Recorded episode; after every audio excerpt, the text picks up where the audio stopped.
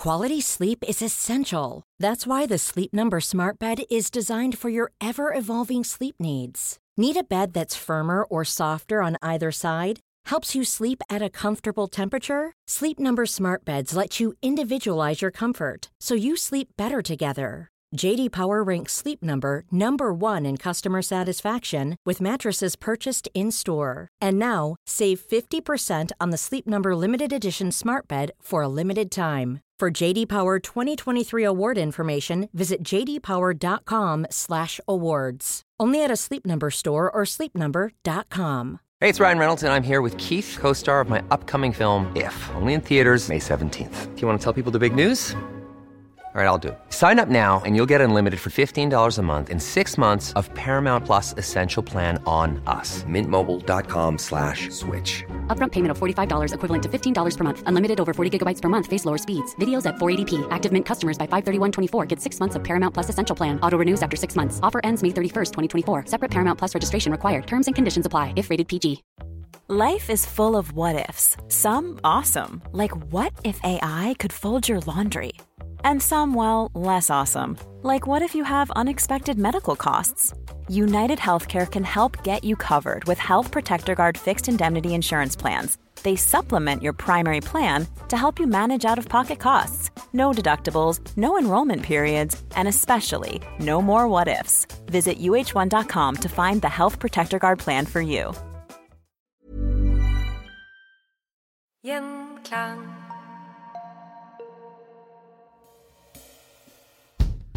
Under sitatet 'Den som inte jobber, bør sulte', styrte den svenske industrimannen Nils Persson gruveselskapet i Sulitjelma.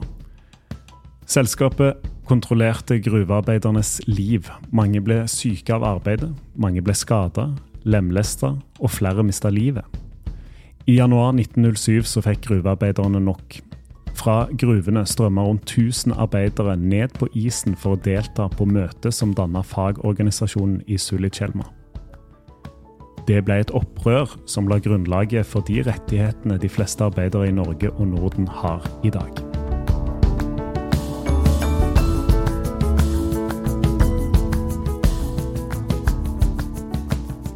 I 1858 så ble det funnet kobber i Sulitjelma, og det ble satt i gang storstilt gruvedrift. Samfunnet opplevde en enorm utvikling, og allerede på, tidlig på 1900-tallet var gruveselskapet blitt landets største bergverk og nest største industribedrift. Men hvem betalte prisen for dette? Du hører på historier som endra Norge, og i dag så skal vi høre hva som skjedde i Sulitjelma vinteren 1907, og hvordan opprøret har endra Norge. Og med oss for å fortelle litt om det, Steinar Aas, professor i historie ved Nord universitet i Bodø. Velkommen til Historier som endret Norge. Takk. Kan vi ikke begynne med å først få litt sånn klarhet i hva og hvor er Sulis? Ja, Sulis er jo, er jo, et samfunn som ligger eh, tett opp til den svenske grensa når man eh, beveger seg inn fra Bodø og inn fjorden. Eh, Saltenfjorden, Skjerstadfjorden lenger inn, og så kommer du til Fauske. og i, Det ligger da i dagens Fauske kommune. Og Dagens Fauske kommune er jo da et en konsekvens av industrietableringene på denne tida i, på slutten av 1800-tallet. Så ble da Fauske egen kommune fordi at det vokste frem industri her, og det danna grunnlag for en egen kommune som ble skilt ut av en større kommune der inne.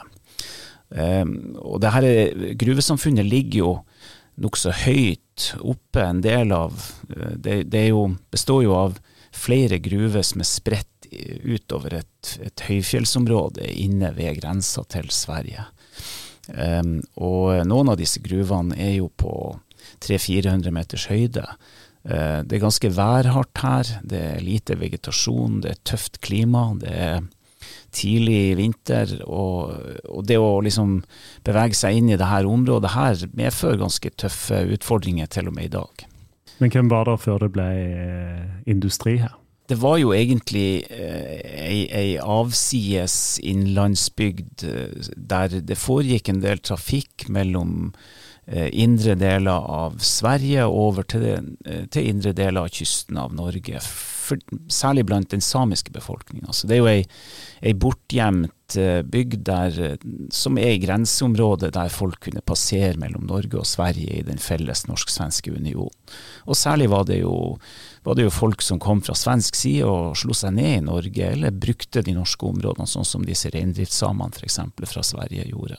Så det var jo egentlig et, et veldig Det er jo sånn at, at det områdene i Nordland som ligger inne i fjordene, er, var de mest eh, avsides, isolerte delene av Nordland. Eh, det var jo ingen vei da, det var jo ingen jernbane. Så, så eh, de som bodde her innerst i fjordene, de brukte jo det som var rundt fjorden. Og i liten grad eh, var det noe å livnære seg på oppe i, i fjellet. Hvordan var situasjonen over andre siden av grensen? Altså, jeg har jo sjøl forfedre som kom fra nabokommunene inn på svensk side, som kaltes Pite Lappmark. Um, og disse områdene som kaltes Pite Lappmark, var jo eh, marginale områder for f.eks. jordbruksproduksjon. Det var jo ikke forventa at man skulle kunne gro potet eller korn der. Uh, det var frost tidlig. det var uh, det var, det var, veldig komplisert å få å liksom holde seg sjølforsynt med noe som helst. Så, så da mine forfedre på 1860-tallet kom over fra Arjeplog over til Norge, så var det jo for å søke seg til et rikere liv på andre sida av grensa, der det fantes fisk og det fantes muligheter for å dyrke litt potet. Er det svenskene som oppdager at det er naturressurser å hente ut i, i Sulis? Nei, det er, jo, det er jo som i veldig mange av disse nordnorske gruvetilfellene, så er det jo en same. Og I dette tilfellet en same som heter Mons Petter. Han har da funnet disse klumpene av kopper. Um, det er lignende historier når det gjelder gruvevirksomheten lenger nord, f.eks. i Bjørkåsen i Ballangen. Der er det også samer som registrerer funn, og, og får de såkalt muta, altså registrert på lensmannskontoret, sånn at funnene er registrert. Og så er det da spekulanter som kommer fra nærmeste byer og, og kjøper opp gruverettighetene og selger de videre til spekulanter eller entreprenører eller andre finans, potensielle finansiører i utlandet. For, for eh, den norske gruvenæringa på denne tida, den, den har ikke kapital nok til å klare å reise eh, store bedrifter som dette er, uten, uten å hente kapital fra utlandet.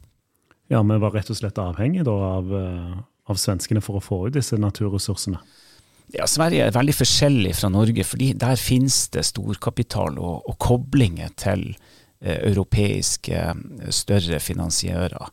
Eh, det, vet, det vet vi fra f.eks. fra Kiruna, som ligger litt lenger nord på andre sida av grensa, som fremdeles har jernmalmgruve gående, men der den kjente Wallenberg-familien, som var en veldig rik svensk familie, sto i kontakt med rike kapitalister i Tyskland, som bidro til finansiering av gruvevirksomheter i Sverige. Så, så svenskene har et mye mer avansert eh, finanssektor, da, mens, mens, vi i Norge da først, det er jo først etter, særlig etter andre verdenskrig, at, at den norske staten går inn og bidrar til oppbygging av gruveindustri eller industribedrifter i, i Årdal, i Sunndal, i, i eh, Glomfjord og andre plasser som, som medeier i, i, industribedrifter, eller i Mo i Rana med jernverket.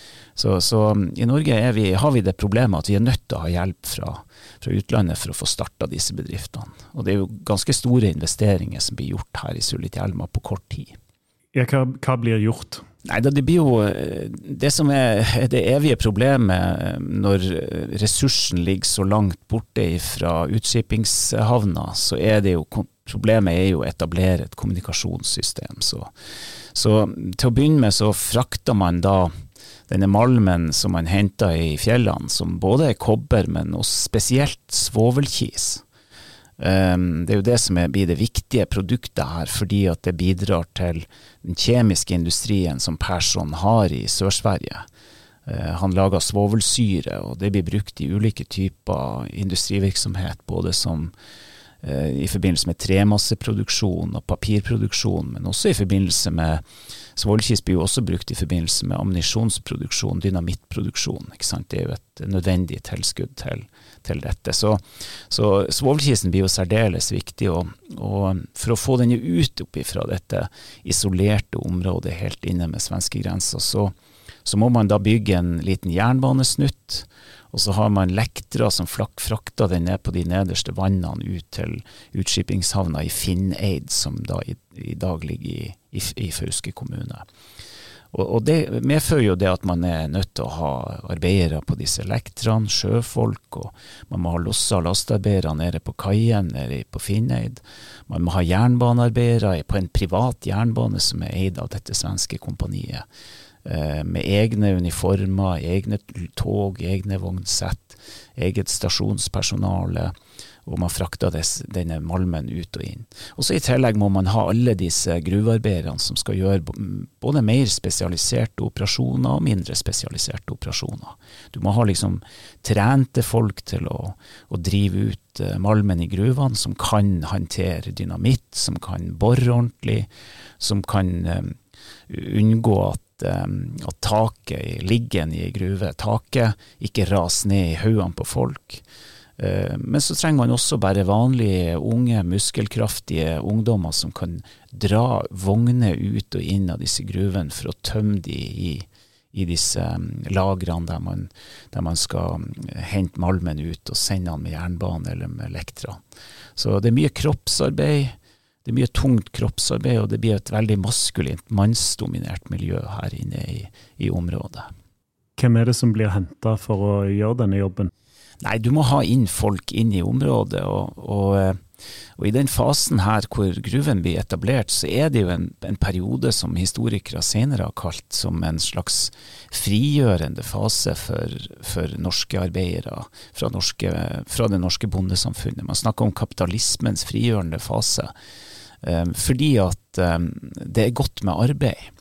Og det fører til at veldig mange mennesker er mobile og reiser fra det ene anlegget til det andre.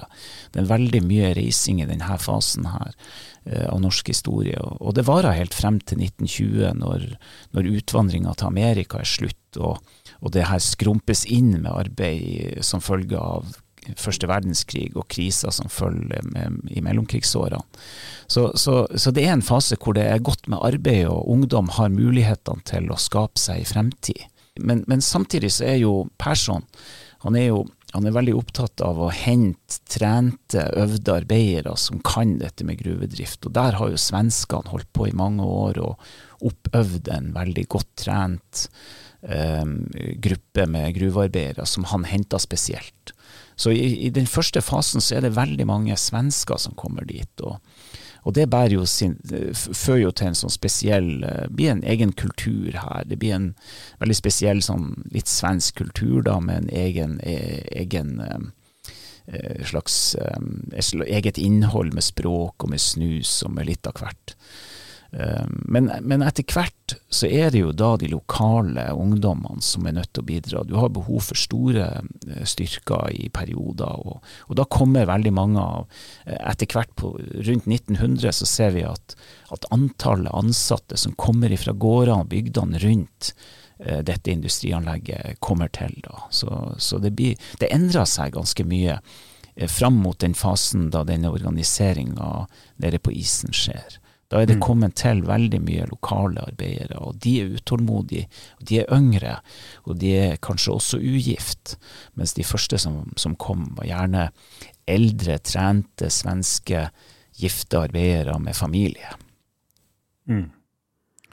Kan du beskrive hvordan hverdagen for en arbeider i gruvene her er? Nei, det er, jo, det er jo det er knallhardt arbeid. Det er tungt fysisk arbeid. Så, så veldig ofte så når man Det var blant annet en, en, en prest som heter Kristen Skjeseth, som var prest i Lofoten på, på 20- og 30-tallet.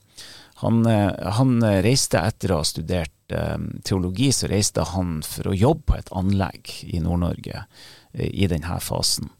Og han som var en ganske utrent eh, akademiker, han sa det at eh, det var så tøft det arbeidet her, for det var så fysisk tungt at det eneste han tenkte når han var ferdig på jobb, det var å gå og legge seg og få sove, sånn at han klarte neste dag. Eh, så jeg tror nok det er mye av, av situasjonen når det gjelder dette med, med arbeidsforholdene. Altså at det, det, er tungt fysisk arbeid, du har vondt i kroppen når du har vært på jobb. Og du søker deg uh, tilbake på brakka di, som er til dels uh, ganske enkelt bygd.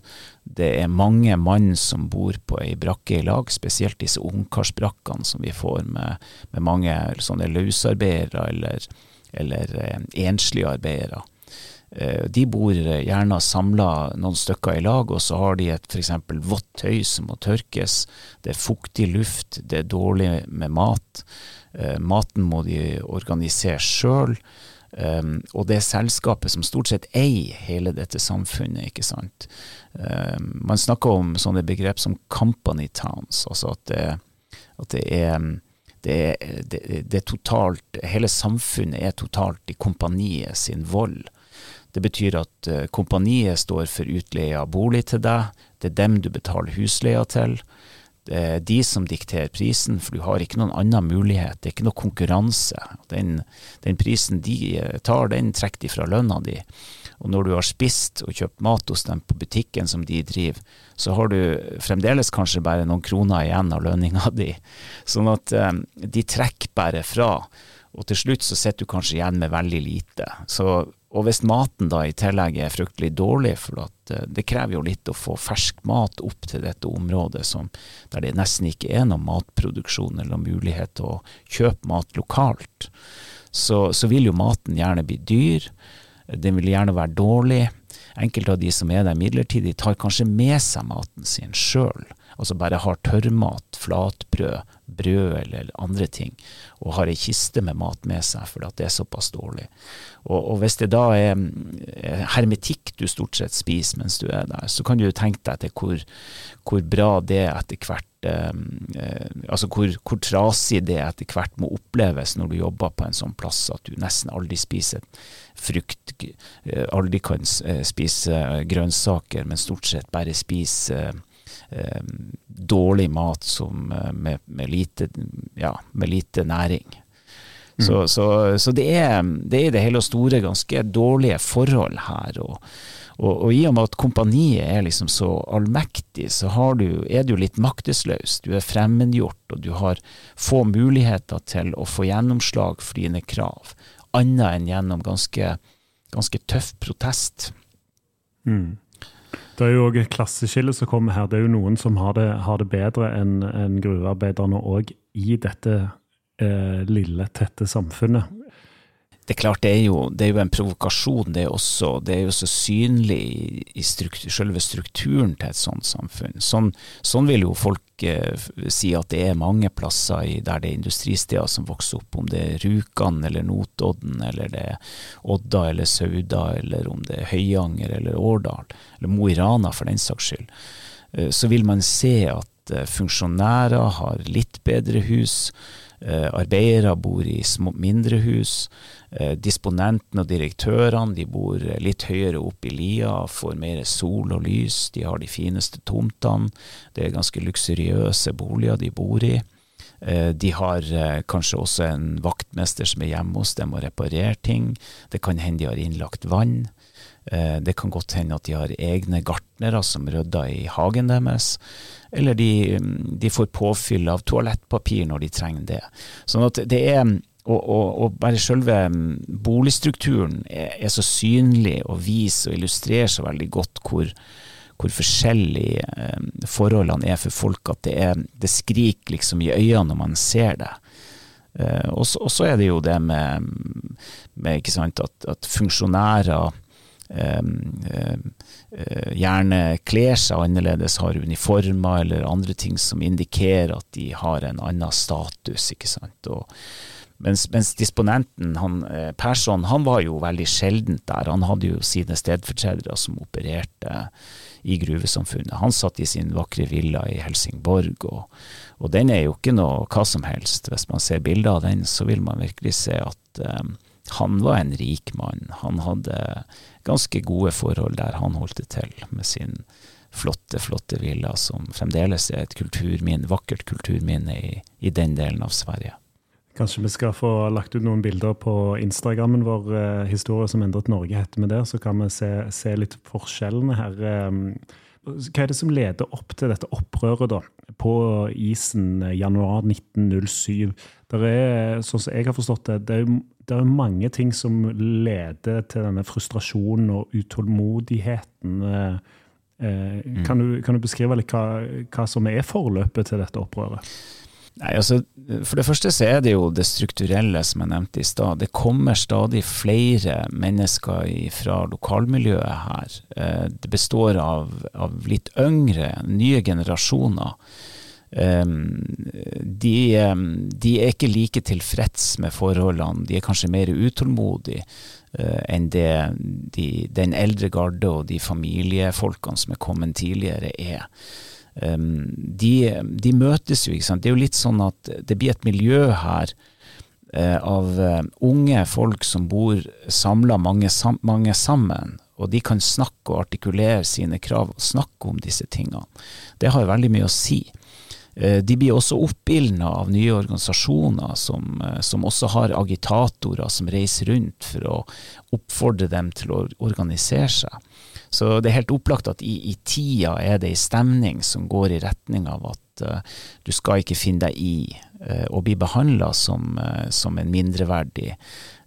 her er det viktig at du står på dine krav og forventer. Altså, det, det, det, er jo de, de tingene som vi ser senere i samfunnet med med et rettighetsbasert arbeidsliv. ikke sant? At du, du, har visse rettigheter. Du skal ikke herses med, du skal behandles ordentlig. Så, så det er jo ei strømning i tida som, som, som er der. Og, og, det blir jo forsøkt smugla inn diverse sånne um, agitatorer som skal hjelpe til å bidra på faglig organisering, ikke sant. Uh, og noen av dem kler de ut, og de påstår at de sniker dem inn her og har, uh, og har uh, hatt møter med arbeiderne for å liksom oppildne dem. Hvor kommer de fra, da? Nei, da de kommer jo fra arbeiderbevegelsen. Det er jo, ja. det er jo Helene Ugland og Kata Dahlstrøm og, og, forskjellige. Vi har jo også Martin Tranmæl reiser jo opp hit, og, og et oh, ja. av de første oppdragene han får etter at disse, denne protestaksjonen har vært i 1907, da blir han sendt ens ærend opp til Sulis for å, å, bidra i bygging av, av gruvearbeiderforeninger. Og på, ja.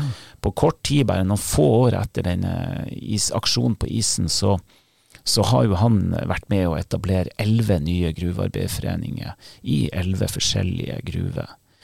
Uh, og, og, og, da kommer disse her organiseringene på plass. Men, men, men, så er det jo òg, ikke sant, det er noe med det er jo noe med den der han, Alle har jo en slags iboende Iallfall føles det nå sånn. Man har en iboende evne til å ikke tåle urettferdige ting, altså urettferdig behandling, eller urett behandling, eller, eller overgrep, vil jeg mm. tro. Det vil man nok reagere på. Og det er jo det som skjer i dette tilfellet. Det er jo når når bedriften ønsker å bruke disse slavemerkene, som arbeiderne kaller det. Det er jo bare et nummer da, som skal, være, som skal brukes for at de skal vite hvem som er inne i gruva til enhver tid på jobb. ikke sant? Slavemerke, det, det, kan du beskrive det? Det er et sånn lite blymerke med, med tall på, rett og slett? Ja. Ja, det er et, et metallmerke som indikerer eh, nummeret på en arbeider, og om vedkommende er gått av eller på vakt eller ikke. ikke sant? Så Det er jo som et, ja, det er som et arbeiderkort, eller et kort som indikerer om du er på vakt eller ikke på vakt. Altså ikke på jobb eller på jobb. Ja. Men for arbeiderne sin del så ble det jo oppfatta som at de var bare et nummer. ikke sant? De var ja. ikke mennesker. Og det er klart, det er jo det, det føyer seg jo på en måte inn i den der forestillinga av urett behandling, av, av uh, vi, er ikke, vi er ikke uh, mennesker, vi er bare et tall, ikke sant. Så, så, så starta denne protesten. Mm. Og, og, så er det jo det evige problemet i sånne industrisamfunn av denne typen, det er jo det at, at uh, når bedriften eier det som er av alt, altså eier hele samfunnet, så har man da ingen fristed. Nei. Du bor i bedriften sine hus, du bor Og dermed, når da bedriften har lagt ned forbud mot forsamling, Ja. altså de skal godkjenne, så er det ikke så lett å få til noe slags møtevirksomhet eller diskusjoner eller felles. Og, og, hele poenget er jo da at det er jo lagt opp fra bedriftens side på å passifisere folk, sånn at de ikke skal møtes for å, å finne ut av strategier som de kan bruke mot ledelsen, ikke sant. Man, ja, de blir motarbeida. Ikke sant. Og, og, at eh, nei, det vil bare være et Hvis man hadde et møtelokale der disse arbeiderne møttes, så vil de plutselig begynne å artikulere noen krav, og da vil de klage på forholdene, da vil de si at maten er dårlig, eller at lønninga ikke er bra nok. Så, så det prøver jo bedriften i det, i, i det lengste å forhindre. Så så når man ber om møter mange av disse plassene, så, så får man ikke lokaler til det. Og, og det her er jo en av grunnene til at man senere bygger det som man senere kaller Folkets hus, eller Samfunnshus, eller hva man enn kaller det for noe. Det er jo for at folk har et behov for å treffe hverandre, altså likesinnede mennesker, for å diskutere spørsmål som man er opptatt av. Så mm. hvis vi skal si noe om liksom dette med, med liksom, eh, hvordan dette påvirker det moderne Norge, så er det jo det, det som er så typisk for Norge, er jo det at, at det, vi har jo et vi har jo bygd opp et organisasjonssamfunn der veldig mange i Norge er med, ikke bare i én organisasjon, men i mange organisasjoner. Og at vi bruker disse organisasjonene til å snakke om ting som vi ønsker å forbedre i samfunnet. Og, og gjerne bruke møtelokalene og møtefasilitetene til å diskutere utviklinga av samfunnet, der man tar tak i ting som man ønsker å forbedre. Mm. Og, og, og, sånn sett så, så, så, bidrar jo organisasjonene til å gjøre samfunnet til en, et bedre samfunn. Mm. Uh, og, og, det er jo det disse arbeiderne ønsker seg. Det er jo at, uh, at her må vi uh, Her må det gå an å få gjort noen ting med, med forholdene. Uh, og da er det at uh, de finner som en sånn uh, colombi egg, eller ja At dersom man skal klare å få til ei, endring i dette samfunnet, så må vi møtes, vi må organisere oss. Og de møtes da på isen, fordi at den eier jo ikke kompaniet, den eier jo ikke personen, og den styrer ikke bedriften. Mom deserves the best, and there's no better place to shop for Mother's Day than Whole Foods Market. They're your destination for unbeatable savings, from premium gifts to show-stopping flowers and irresistible desserts. Start by saving 33% with Prime on all body care and candles. Then get a 15-stem bunch of tulips for just $9.99 each with Prime. Round out Mom's menu with festive rosé, irresistible berry chantilly cake, and more special treats. Come celebrate Mother's Day at Whole Foods Market. One size fits all seemed like a good idea for clothes. Nice dress. Uh, it's a it's a t-shirt. Until you tried it on. Same goes for your healthcare. That's why United Healthcare offers a variety of flexible, budget-friendly coverage for medical, vision, dental, and more. So whether you're between jobs, coming off a parent's plan, or even missed open enrollment, you can find the plan that fits you best. Find out more about United Healthcare coverage at uh1.com. That's uh1.com. This is Paige, the co-host of Giggly Squad, and I want to tell you about a company that I've been loving, Olive and June. Olive and June gives you everything that you need for a salon quality manicure in one box. And if you break it down, it really comes out to $2 a manicure, which is absolutely insane. It's also so easy to get salon worthy nails at home with Olive and June. The difference between how your nails used to look when you did them yourself and now with the Manny system is a complete game changer. The best thing about Olive and June too is it's a quick dry, dries in about one minute, lasts for five days, and full coverage in up to one to two coats. Visit oliveandjune.com slash perfectmanny20 for 20% off your first system. That's oliveandjune.com slash perfectmanny20 for 20% off your first system. Det er et eller annet sånn urkraftsterkt bilde med det som jeg liker veldig, veldig godt, og gir en sånn enorm kraft til hele, hele, opprøret, føler jeg. Ja, På mange måter så kan vi si at, at det her er jo liksom um, Det er jo litt sånn måten uh, Vi kan tenke oss at senere vi, vi snakker om den nordiske modellen, og vi snakker om at de nordiske samfunnene har funnet måter å forhandle om ting på for å forbedre samfunnet. Um, og du kan si at dersom du blir møtt på en tøff måte, så vil responsen kanskje bli tøff. Mm. Det er snakk om krefter og motkrefter. Det er snakk om eh, tese og syntese og antitese, og så får du noe ut av det, som, som Hegel ville ha kalt det. Med, med, sin, med, sin, tenking. Altså, og når da bedriften går så tøft ut som de gjør mot disse arbeiderne, og ikke kommuniserer med arbeiderne, mm. så blir responsen en, en sånn fandenivoldskhet og en respons mm. som, er, som, er, tøffere. Altså Er du tøff når du går ut mot dem, så får du et svar som blir tøffere. Mm. Og, og, der ser vi jo litt av det som kanskje er, er forskjellen på det, dette klassesamfunnet vi hadde i emning der og da, men som vi etter hvert må mestre, eller som vi etter hvert må på en måte få få noe fasong på. Eh, der, for, for, det er helt opplagt at samfunnet består av mennesker som står i et motsetningsforhold til hverandre. Eh, men hvordan skal vi løse disse motsetningene? Jo, det som da eh, gruvearbeiderforeningene senere opp, altså arbeidsgiverforeningene senere oppdaga, det er jo det at det er jo bra hvis vi har noen motpart, for da kan vi diskutere med dem. Og så kan vi ha orden på arbeidslivet. Og orden i arbeidslivet er jo bra for oss også. For da slipper vi ville streiker. Da slipper vi aksjoner som vi er uønska, sitt ned-aksjoner, boikottaksjoner osv. Da kan vi ha avtaler om at nå skal vi jobbe i lag, dere får de lønningene, vi ordner arbeidstida sånn, og så er vi enige om at det er forutsigbart, og så er det bra nå, og så er det sånn det er. Og så kan vi justere det neste gang vi møtes, om ett år eller to. Men vi har ro i arbeidslivet, ikke sant.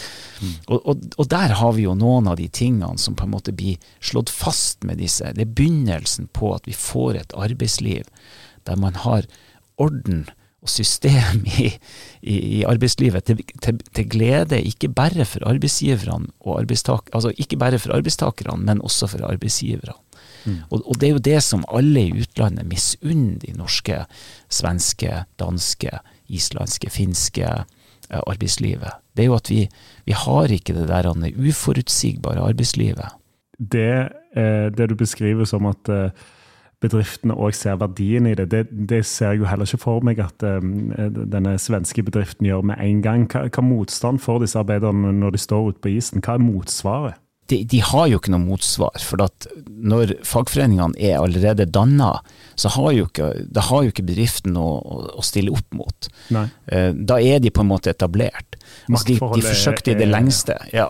Da er de utfordra, da, da, da, kan de ikke reversere De kan ikke reversere det her. Eh, det er det som er. Men, men du kan si at det, det, går jo en liten periode etterpå hvor hvor, um, hvor, det ikke går så veldig glatt med organiseringene rundt omkring i lokalsamfunnet. Men, men, det kommer mer på plass noen få år seinere. Da er på en måte disse gruvearbeiderforeningene i gang.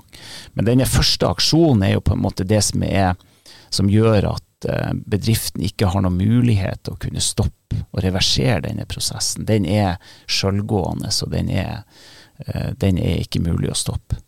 Mm. Um, og, og, og senere så blir jo disse gruvearbeiderforeningene de blir jo ekstremt sjølbevisst og, og, og, blir en spydspiss i den store, store forbundet, Arbeidsmannsforbundet, som er et nasjonalt, det største forbundet i, i landsorganisasjonen.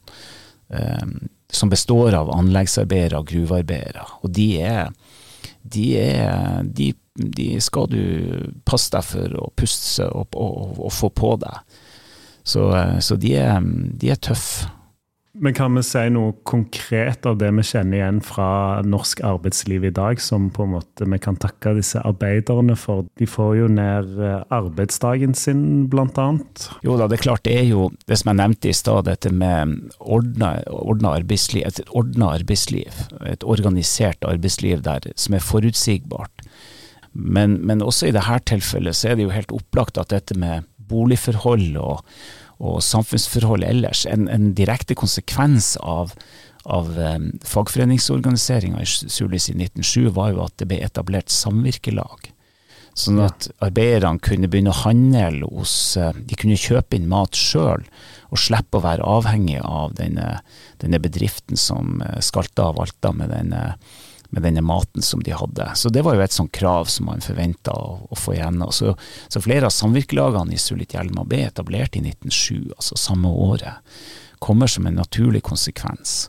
Og de er jo, de er jo eid, det er jo, et, det er jo et, en butikk som er eid av arbeiderne sjøl, der de sjøl organiserer innkjøp av mat og sørger for å ha betalt lønn til noen som jobber der. og og, og sørger for at de er forsynt med matvarer i konkurranse med bedriften.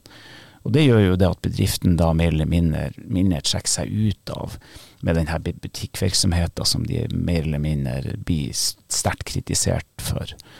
Um, mm. Så det er, jo, det er, jo, en konsekvens. Og, og, og av andre ting, dette med rettighetsbasert arbeidsliv, det at, man, at det er noen rettigheter man har, og at, at du ikke blir, eh, at du liksom ikke blir hersa med. Uh, det er jo, er jo ganske, ganske, vesentlig. og um, Arbeidstidsordning, som jeg nevnte også. Så, så ja. Mm. Det, det, det, er jo sånne ting som man i dag ser på som, som helt naturlig. Lengden på arbeidstida, uh, muligheten for ferie, muligheten for fritid. Du beskrev jo eh, at dette samfunnet var, var delt inn i, i ulike klasser òg. Når arbeiderne, de som er da på, før dette opprøret var nederst, får fornya selvtillit og ser at de, de, har, de, har, makt i det å organisere seg og stå sammen, hva gjør mm. det med klasseskillet på en så liten plass? Altså, klasseskillet består jo, og, ja. og forholdene mellom, mellom arbeiderne er, er, jo på en måte sementert og, og, synliggjort. Men denne klassebevisstheten blant disse lavere sosiale lagene er jo helt opplagt mye sterkere.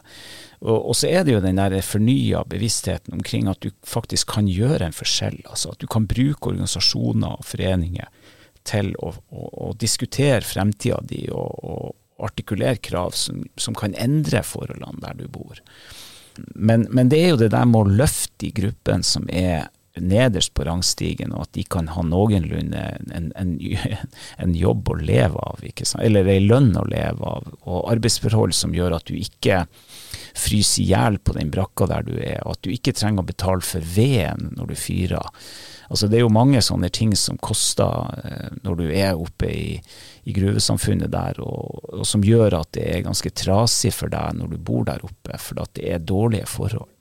Og, og når Martin Tranmæl kommer opp og, og, får lov å komme inn der, for tidligere var det jo forhindra fra, fra, arbeiderbevegelsen. Han var jo en sentral mann i, som ble sendt opp av Arbeiderpartiet for å, for å liksom eh, hjelpe til med organiseringa her så får han jo en kjempestor oppslutning om den avisa som han har gitt ut, som, som, eh, kom ut i Trondheim, der han var redaktør. Folk kjøper jo abonnement og vil lese om de her tingene, og vil holde seg oppdatert om hva som er de politiske spørsmålene som denne avisa er en del av. Altså, Massedemokratiet i Norge får, får flere eh, organer som skal målbære ulike politiske holdninger. Sånn at I den fasen her så vokste jo frem nye aviser som skal som skal også trekke frem de her sakene som er viktige for de lavere sosiale lagene i samfunnet. Eh, vi har jo nettopp hatt et, et valg i, Norge, og, og, i utgangspunktet så, så man for seg at det politiske Norge skulle være todelt, sånn som i Storbritannia. Det var liksom venstre og høyre som skulle være partiene. Eh, og så lagde man en valgordning som favoriserte dette systemet, sånn som man har i England nå. Men, men, med at arbeiderbevegelsen vokser frem på denne tida, så får vi plutselig et, et tredje parti som, som, får oppslutning nesten av en tredjedel av folket, men som allikevel ikke får representasjon i parlamentet av en tredjedel av, av, av representantene. Så det tvinger jo frem nye valgordning og mer demokratiske, eh, en mer demokratisk respons. Så så, så, på mange måter altså bidrar jo det her til å gjøre Norge til et mer fullkomment demokrati. Man får mm. flere eh, politiske organ, aviser f.eks., i det offentlige ordskiftet som kan målbære ulike perspektiver på samfunnet. Eh, ikke bare venstreaviser, ikke bare konservative aviser, men også eh, venstre- eller sosialistiske aviser og, og, vi får en mye mer mangfoldig offentlighet og offent, et offentlig ordskifte da, som, som er følge av disse nye bevegelsene. Mm. Denne historien om eh, opprøret i, Sulis 1907 er jo, som du peker på, ganske sentral i, i utviklingen av eh, Norge. Men en litt sånn underfortalt uh, historie. Men i høst nå så kommer, kommer, det en stor kinofilm. Nils Gaupe, regissør, har jobba lenge med, med denne, denne historien. Hva forventninger har du til, til mottagelsen av når denne historien kommer ut? Jeg, jeg vet egentlig ikke. Nils Gaup har jo sin stil når, når, det gjelder å lage film, så det kan, det kan godt si at folk liker eller misliker stilen og, og måten han, dramaturgien hans. Men, men, jeg tror nok det vil, det vil fange Han vil nok klare å skape stemning som kan beskrive en situasjon i en historisk periode, epoke av norsk, norsk, historie som er veldig turbulent, og som er veldig prega av denne urolige omkalfatringa av samfunnet, starten på den omforminga av dette gamle standsamfunnet, eller bondesamfunnet, som er i ferd med å liksom gå inn i en fase hvor det blir et klassesamfunn, hvor, hvor man ser at, um, at motsetningene i samfunnet blir klarere. Men også det at folk sjøl ser at de klarer å De kan påvirke sine egne liv gjennom handling, ikke sant. Så, så um, tidligere har liksom samfunnet vært veldig statisk. Man oppfatta det som lite mobilt. Ikke kunne man reise dit man ville. Ikke kunne man eh, avansere så veldig mye ut av den stand man var født i. Eh, man var liksom husmann, og man ble husmann når man var født husmann.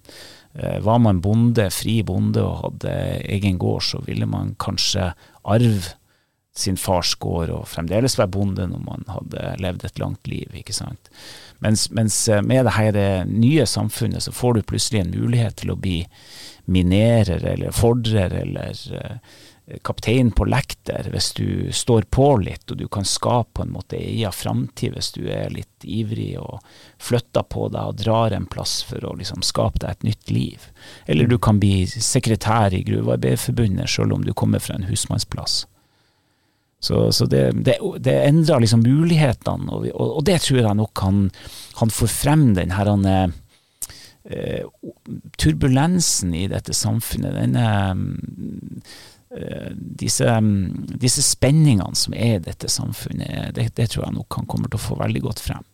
Når vi i denne podkastserien spør eh, hvordan har dette endra Norge, kan vi òg peke på at det har endra tankesettet og det å gi et bredere lag av befolkningen da et, et, håp om et bedre liv? Ja, det, det, tror jeg nok du har rett i. Og jeg tror også det at den der ideen om, om eh, det kollektive dersom man skal kunne fremme individet. Altså dersom du, dersom du ønsker å få en, en, et, en bedre fremtid for deg sjøl, så må man stå sammen. Mm. Den der ideen der er jo noe som, som har prega det her samfunnet veldig mye, og som, som, jeg tror vi kanskje også må ta litt lærdom av i dagens situasjon. For, for, for den individualismen som på en måte preger samfunnet nå, er jo er jo ofte ikke eh, han, han, Det inspirerer på en måte ikke nødvendigvis til kollektive løsning eller kollektiv aksjon. Så, så akkurat der så, så, viser jo den en, en måte å liksom en, en måte å, å, agere på hvis du ønsker å, å liksom skape ei bedre fremtid for deg sjøl.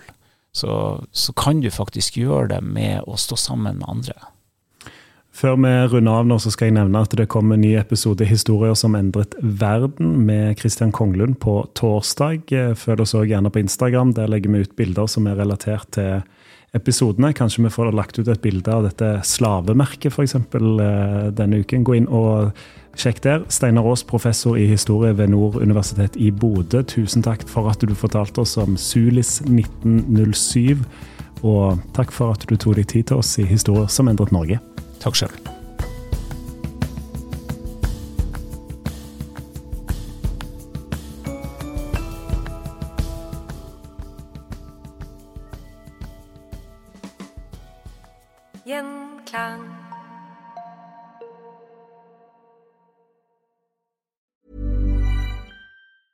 Hi, I'm Daniel, founder of Pretty Litter. Did you know cats tend to hide symptoms of sickness and pain? I learned this the hard way after losing my cat, Gingy. So I created Pretty Litter, a health monitoring litter that helps detect early signs of illness by changing colors, saving you money and potentially your cat's life. Pretty Litter is veterinarian developed, and it's the easiest way to keep tabs on your fur baby's health right at home. Go to prettylitter.com and use code ACAST for 20% off your first order and a free cat toy. Terms and conditions apply. See site for details. Even when we're on a budget, we still deserve nice things.